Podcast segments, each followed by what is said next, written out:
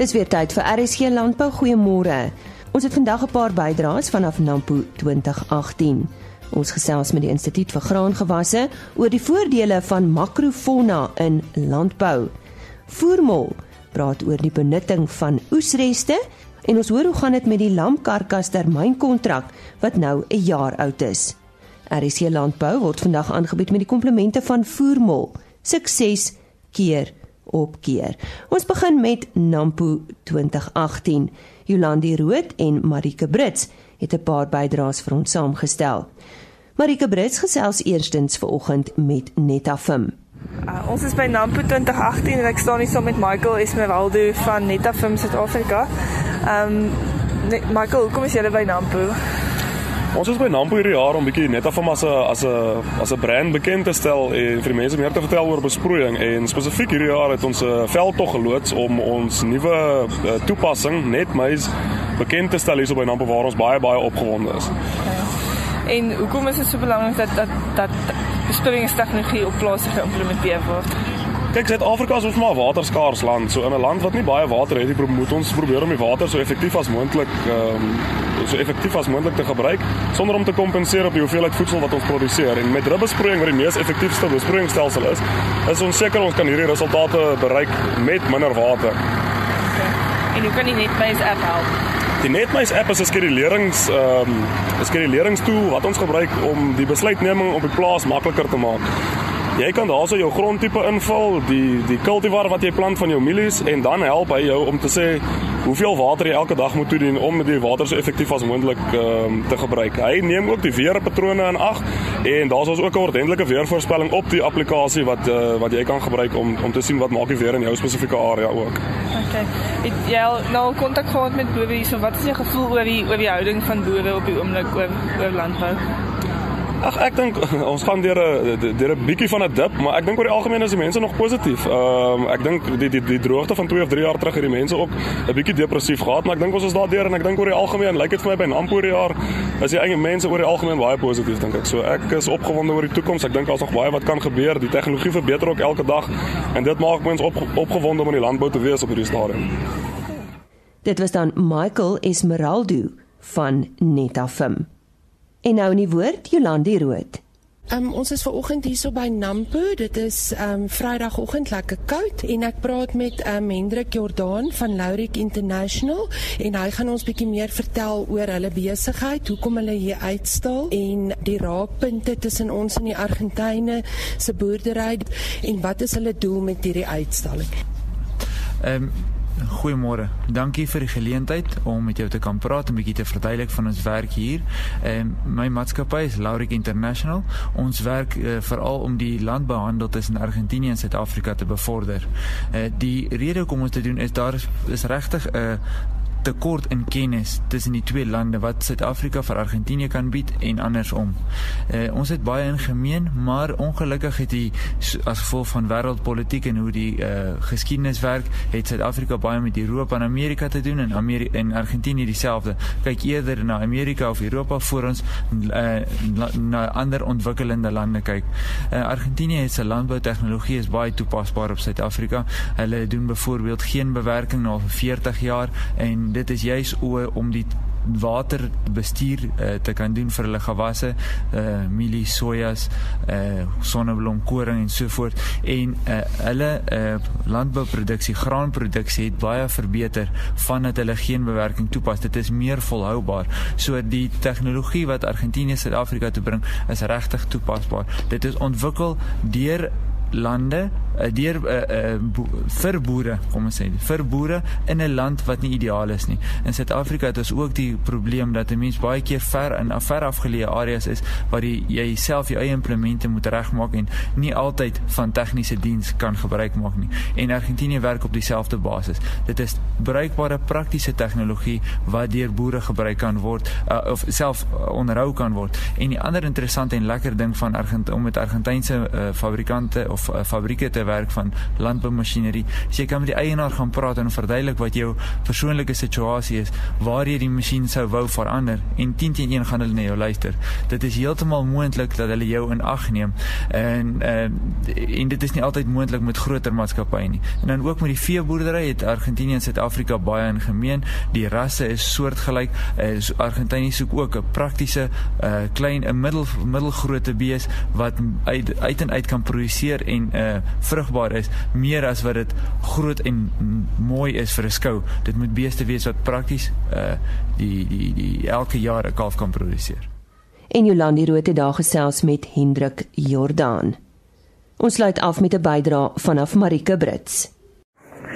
Ons is by Nampo 2018 en ek staan hier by Alina Telte van Java.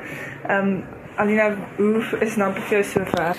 Ehm um, op hierdie stadium is dit nogal redelik besig. Ons het gister veral was dit relatief besig geweest. Ons het redelike klomp ehm um, vir ons ons ingekom het. Gewoonlik wag ons nie 'n lang ry om in te kom nie. Ons het hierdie jaar nogal gewag om in die ry in te kom selfs vroeg in die oggend. So ja, dit is nogal redelik besig op hierdie stadium. Hoekom is dit vir julle belangrik om hier so te wees? Ehm um, dit is maar om 'n beeld uit te straal. Ehm um, gewoonlik as jy nie hier is en as dit soos okay, daai maatskappye toegemaak.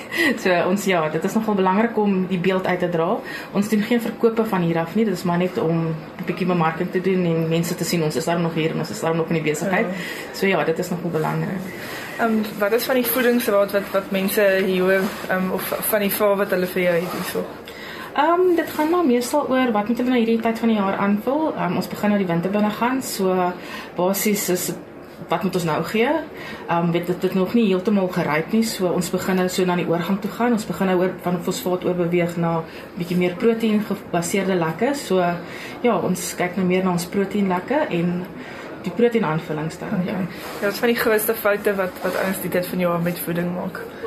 Ehm um, dis maar om te dink dat hulle kan nog aangaan met fosfate, weet terwyl die die veld se kwaliteit nou begin baie afgaan, dan kan jy nie net op fosfaat meer oorleef nie en hulle probeer kyk jou winterlek is mos maar duurder as jou fosfaat, so wat hulle nou basies doen is ons kyk hoe lank ons maar die fosfaat uittrek en ons vergeet nou met 'n bietjie om bietjie proteïene aan te vul. Ehm um, so uh die probleem is dan dan verloor jy massa en jy wil juist keer dat jy daai massa verloor. So net deur 'n bietjie addisionele proteïen te gee, byvoorbeeld 'n oorgangslek, dan begin jy nou reeds om nie soveel massa te verloor nie, maar jy gee nog nie 'n vol ehm um, winterlek nie. So net om dan bietjie daai um, vol winter voor jy oorgaan na daai vol winterlek toe, dan om um, jy 'n bietjie proteïene aan te vul.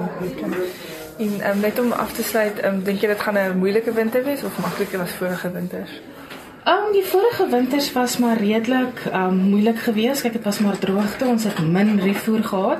Ek dink hierdie jaar in terme van dit mag dalk so 'n bietjie makliker wees. Ons het bietjie meer refoer. Ehm um, want refoer is maar gewoonlik 'n probleem. Met solank jy refoer het, kan jy aanvullings doen. Maar as jy nie refoer het nie, weet dan sit sukkel jy nog so 'n bietjie. So ek dink in terme van dit gaan ons dalk 'n bietjie makliker jare hierdie jaar, want ons het refoer en weet dan kan jy jy kan werk daarmee. So ja, ek dink dit mag dalk vir die boere so klein bietjie makliker wees die jaar. Marika Brits wat gesels het met Alina Toute van Yara. Volgende aan die woord is Shanay Meiburg. Sy's senior navorsingstegnikus in grondmikrobiologie by die Instituut vir Graangewasse. En sy praat veraloggend oor die voordelige makrofona in landboupraktyke. Grondbiota is 'n belangrike komponent van die grondekosisteem. Waarom, Shanay? Goeiemôre, Elise.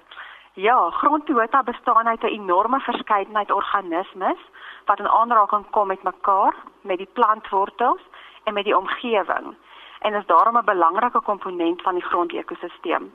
Hulle word op grond van grootte verdeel in 3 groepe, naamlik makrofauna wat groter is as 2 mm, soos byvoorbeeld aardwurms en termiete, mesofauna, hulle is 0.1 mm tot 2 mm, soos myte en springsterte en mikrofauna. Hulle is kleiner as 10 mikrometer soos bakterieë en fungi en kleiner as 0.1 mm soos protiste en nematode. Nou grondmakrofauna bestaan uit 'n groot verskeidenheid organismes wat leef op die grondoppervlak sowel as in die grond. Hierdie organismes se lewenswyse en aktiwiteite het 'n direkte en 'n indirekte invloed op hulle habitat en ander organismes. Plante skei suikers, eenvoudige stysels en aminosure in die grond rondom hulle wortels af bakteriese populasies vermeerder en mycorrhiza spore ontkiem en infiltreer die wortels. Die wortels word dan heeltemal aangepak met bakterieë en voordelige fungie. Protozoa soos amoebas en flagellate voed al langs die rande van hierdie aangepakte wortels. Groter predatore soos alwurms en aardwurms voed dan op die bakterieë, fungie en protozoa rondom die wortels. Op die grondoppervlak verwerk mikrowurms blare en plantmateriaal in kleiner deeltjies sodat bakterieë en fungie in die grond daarop kan voed. Springsterte voed op fungie terwyl komposwurms op fungie, bakterieë, alwurms en protozoa in die grondvoedselweb voed. Maar watter effek het makrofauna op die grond, Shanay? Makrofauna oefen fisiese, chemiese en biologiese effekte uit in die grond. Die fisiese effekte van makrofauna is nogal 'n lang lysie. Dit sluit in makrovermenging. Dit is wanneer mure, termiete, aardwurms en grondkewers 'n groot hoeveelheid grond verskuif. Hierdeur bring hulle minerale vanuit dieper in die grond na die oppervlak en begrawe hulle die organiese materiaal vanaf die oppervlak dieper in die grond. Aardwurms kan byvoorbeeld binne 10 tot 20 jaar die boonste 15 cm van die grond omkeer, aangesien sulke groot hoeveelhede grond deur hulle ingewande beweeg. Mikrovermenging, dit is wanneer organismes soos Diptera larwes 'n kleiner hoeveelheid grond rondbeweeg. Hulle is meestal op die grondoppervlak waar hulle organiese materiaal in die grond inkorporeer, maar hulle kan egter ook deur middel van uitkloging in die grond inbeweeg tot 'n diepte van 60 cm. Tonnelkonstruksie, aardwurms en termiete vorm tonnels wat baie belangrik is vir grondbeligting en waterdreinering. Dan fragmentering. Die fragmentering van dooie hout, karkasse en afval het 'n groot effek op die organiese materiaalvorming in grond. Dit bepaal dus die aktiwiteite van bakterieë, fungie en mikrofauna populasies en laaste aggregaatvorming. Nadat afval gefragmenteer is, is dit makliker vir organiese materiaal om afgebreek te word na 'n stabiele vorm, naamlik humus, en om dan grondaggregate te vorm. Aardwurms, termiete, duisendpote en houtluise neem gronddeeltjies in saam met hulle voedsel en dra by tot aggregaatvorming deurdat hulle organiese en mineraalmateriaal in hulle ingewande meng. Dat die chemiese effekte van grondmakrofauna is beide direk en indirek. Direkte effekte sluit in die verandering van voedselkwaliteit deurdat dit deur die ingewande beweeg. Dit is spesifiek die mineralisasie van organiese materiaal en die vrystelling van voedingsstowwe. Grondmakrofauna beïnvloed ook die grondchemiese samestelling deur hulle uitskeidings. Die hoof indirekte chemiese effek is die mineralisasie van stikstof, fosfor en swaal deur die aktivering van mikroflora soos byvoorbeeld bakterieë en swamme. Daar is ook verskeie biologiese effekte waar te neem in die grondlewe met predasie en kompetisie as die hoofbepalende faktore om ewewig te handhaaf tussen die verskillende groepe organismes. Beide skep 'n balans tussen die hoeveelheid individue en die beskikbare hulpbronne. Sekere tipes makrofauna voed op dooie materiaal en afval en verwyder dit sodoende vanaf die grondoppervlak, terwyl hulle ook organiese materiaal in die grond inwerk. Verder versprei grondmakrofauna bakterieë deur hulle uitskeidings in die grond. Nou hoe beïnvloed makrofauna landboupraktyke? Landboupraktyke word op verskeie maniere beïnvloed deur makrofauna. Wanneer aardvarings byvoorbeeld gevestig is in weidingslande, verhoog weidingsproduktiwiteit aangesien infiltrasie en die verwerking van dooie plantmateriaal wat op die oppervlak lê verbeter word. Sodoende word erosieverwante verliese aan materiaal en voedingsstowwe beperk. Proewe in Nieu-Seeland het 'n verhoging van 30% en meer getoon in weidingslande waar aardvarings in die grond gevestig is. Aardvarings breek tuin, plaas en voedselafval af tot vermikompos 'n hoë gehalte kompos wat aangewend kan word om grondkwaliteit te verbeter.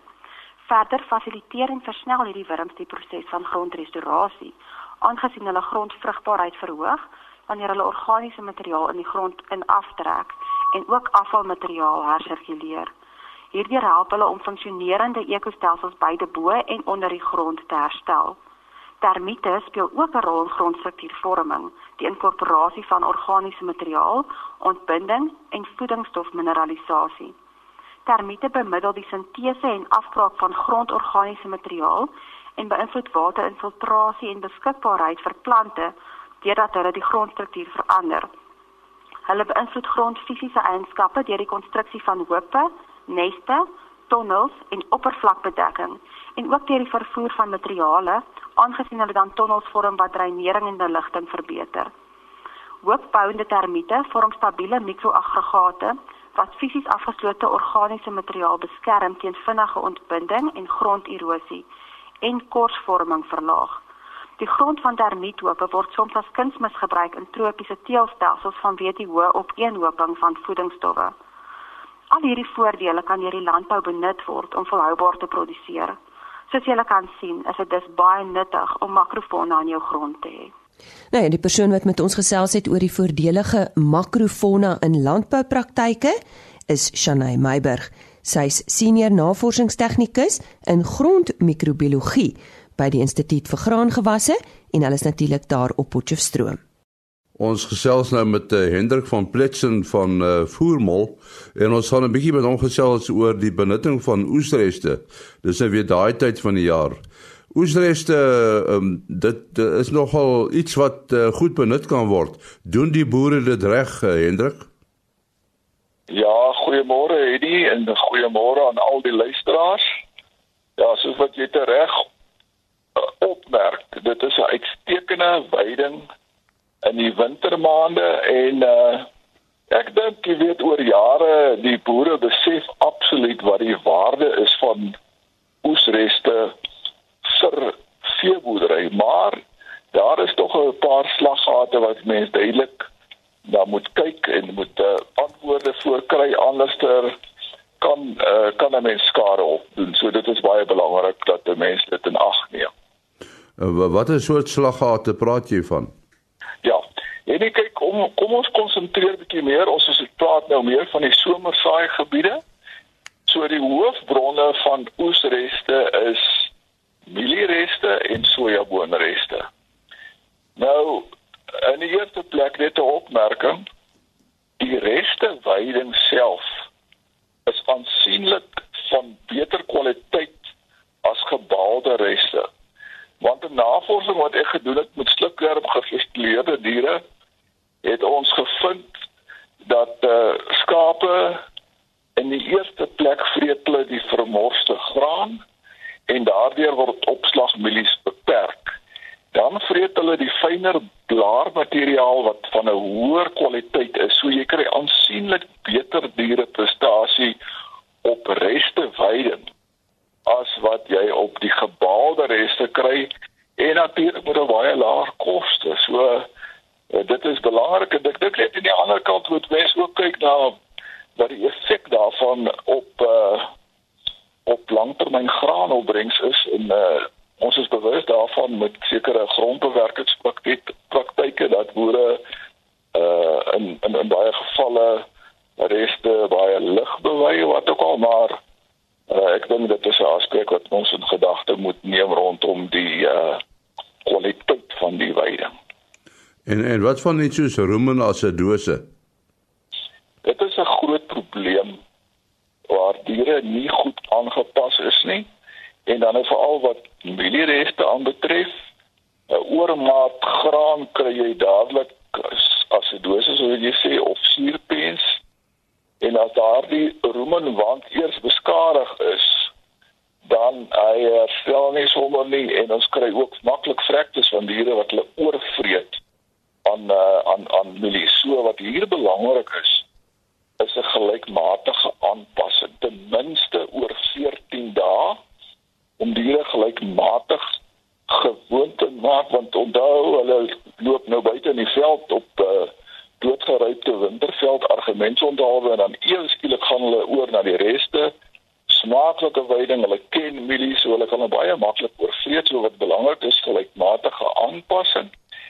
En dan daarmee saam die regte lek aanvulling. Dis baie belangrik want binne in daardie lek moet daar verskillende buffers wees om te keer teen suurpens. Dit is belangrik die ander uh voedingsstof wat ons moet verskaf veral vir oeye met lammers en speenlammers uh is is goeie gehalte proteïen want die proteïen waarde van mieliereste is marginaal. Jy praat nou van die aanpassing, jy weet geleidelik uh van gewone voer na na oesreste. En wat van die omgekeerde as uh hulle nou klaar is met die oesreste vreet? Ja, kyk, met normaalweg as ons hier na die einde van die winter toe gaan en die reste is nou uh, heeltemal uitgevreet dan uh norm die normale praktyk is hulle gaan dan na veld toe, somerveld toe en dit is nie 'n probleem nie. Dis hoegenaamd nie 'n probleem dat daardie kant toe nie, maar die aanpassing na graan. Graan is 'n groot probleem, oormatige graan.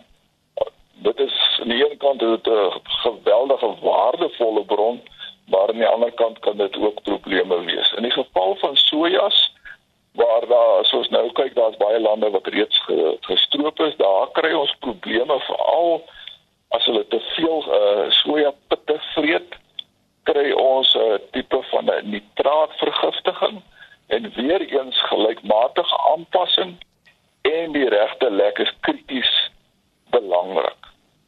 Oor die algemeen soja reste wat beter benut word deur skape as beeste, beeste benut dit ook goed. Maar as jy gaan kyk op die ou end na 'n sojaboonland, dan word daai reste eintlik totaal en al benut. Op die ou end word die tot self die stammetjies word uh stingels word ook gevreet.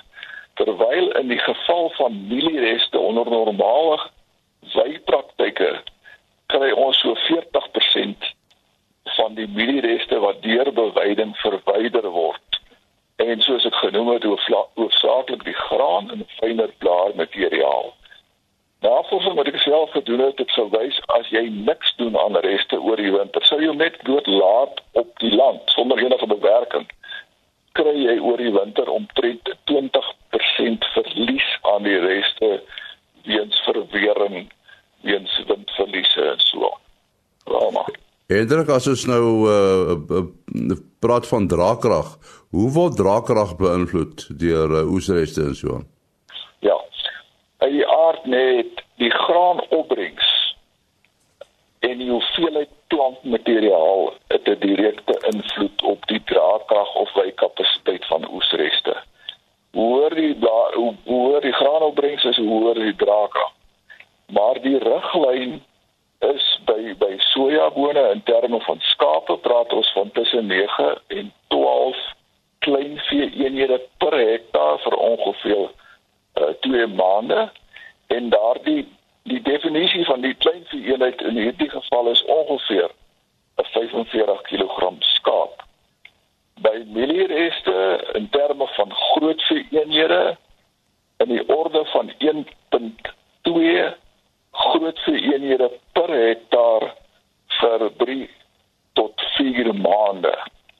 En ons het ook uh jy weet na die produksiesyfers gekyk van diere op op oesreste en nou spesifiek op mieliereste waar alles regloop, die regte aanvulling gegee word, die regte aanpassing gedoen is, het ons uh, 'n uh, riglyn dat ons in die orde van 100 kg lewendige gewig per hektaar mieliereste kan produseer oor 'n periode van tussen 3 tot 4 maande in die winter. Ja, dit is 'n uh, bepaald syfers wat mense gedagte moet hou. Baie dankie Hendrik van Pletsen van Voormol. Die Johannesburgse aandelebeurs het min of meer hierdie tyd verlede jaar lamkarkas termynkontrakte op sy kommoditeitsmark gelys. Nou die doel hiervan was hoofsaaklik om produsente en abattoirs die geleentheid te gee om die risiko wat deur prysbewegings in skaapvleismark plaasvind tot 'n mate te versag.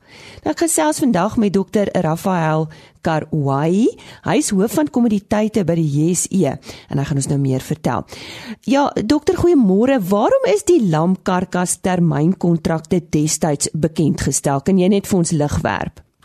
Uh goeiedag, dankie vir die geleentheid. Ehm um, uh ja, die JSE is altyd op soek na nuwe produkte.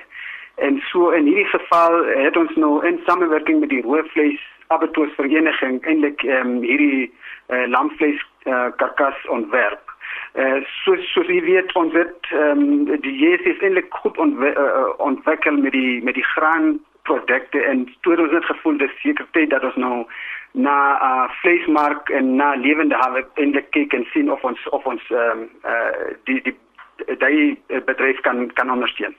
Wat is 'n lamkarkas afgeleide kontrak?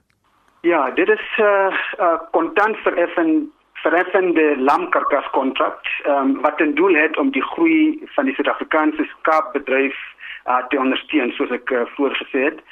So skaapboere, uh, abattoirs en en ook maar die groothandelaars kan nou winsgewende termynkontrakte gebruik om die prysrisiko in die lamkarkas um, te kan vooraf bestuur. Met ander woorde, uh plig dat die lamvleisprodusent of of die verbruiker um aan die pryskom uh, pryskommeling van uh, blootgestel word van die van hierdie uh uh lamkarkas uh kan hy dan hierdie instrumente gebruik om om dan uh sy risiko te bestuur.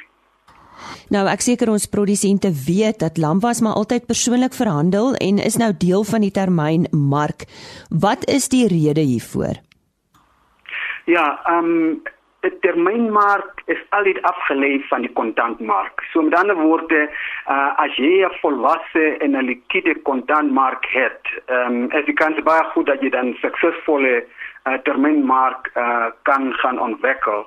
En so in hierdie geval soos ons weet, die vleismark in Suid-Afrika is baie goed ontwikkel en seker was nou net tyd dat ons nou kan uh, uh, kyk of ons of ons uh, die termynmark maar ook byvoeg uh, om die boere te ondersteun. Nou behalwe daarvoor, wat is die voordele hiervan? Ah uh, ja, ehm um, weer eens dis eintlik hoofsaak, hoofsaaklik om om die pryskommeling te kan uh, you know uh, uh bestuur. Uh mens as jy as jy uh, uh in die hierdie bedryf is, wil jy nie blootgestel word aan aan uh dalende of of of groeiende pryse nie uh, afhangende of jy 'n verbruiker of 'n of 'n produsent is. So hoofsaaklik is maar net om 'n prys vas te maak vooruit en jou risiko te kan bestuur. Dis reg um, wat wat hierdie produkte uh se bydrae is tot die tot die bestaande kontantmark. Nou verduidelik vir ons hoe jy jouself teen risiko kan verskans met die gebruik hiervan. As ek 'n voorbeeld kan gebruik, uh om die risiko van die dalende kontantpryse oor die volgende paar maande te kan bestuur. Sal byvoorbeeld um 'n slagplaas sê 'n Junie maand termyn kontrak verkoop. So as en dit is wat ons noem 'n uh, 'n uh, kort verskansing om om dan die verkoopprys te beskerm. Uh hierdie kort verskansing sal dan uh jou uh, karkasvoorraad dek vir die duur van die termynkontrak tot dit verseker raak uh in Junie maand. So met ander woorde, al wat die die die produsent sal sê ek is van plan om my um, om my karkasse uh, te bemark in Junie maand kom ek verkoop al nou vooruit en vas maak die prys vas um, terwyl dit nog goed is as ek vermoed dat dit in die volgende paar weke gaan daal. Uh, en, en en en dan is jy nog nie blootgestel aan dalende pryse teen die tyd wat jy die produk gereed het nie. Dis dis maar as as as, as dit uh, uh, sin maak. Dit maak sin ja. Dokter Kwarwai as ons kan afsluit wie kwalifiseer hiervoor? Wie kan deelneem enige persoon wat blootgestel is uh en wat 'n belang het in die onderliggende kontant uh, of uh, in die onderliggende bedryf. In hierdie geval as jy 'n produsent is het sy uh jou groothandelaar of 'n uh, slagplaas of 'n uh, uh stoorlam you know uh, al al die mense wat deel het wat in die wat belang het in die onderliggende bedryf kan hierdie instrumente gebruik om om hulle te beskerm teen of uh, stygende of dalende pryse. Ons sê baie dankie aan dokter Rafael Karwai. Hy is hoof van kommoditeite by die JSE en hy het ons vertel van die uh, lampkarkas termynkontrak wat nou so 'n jaar oud is. Dit bring ons aan die einde van vandag se program. Ons gesels weer môreoggend so skuins na 05:30 met u. RC Landbou is vandag aangebied met die komplemente van Voermol. Sukses keer op keer. Mooi dag vir u verder en totsiens. RSG Landbou is 'n produksie van Plaas Media. Produksieregisseur Henny Maas. Aanbieding Lisa Roberts. En inhoudskoördineerder Jolandi Root.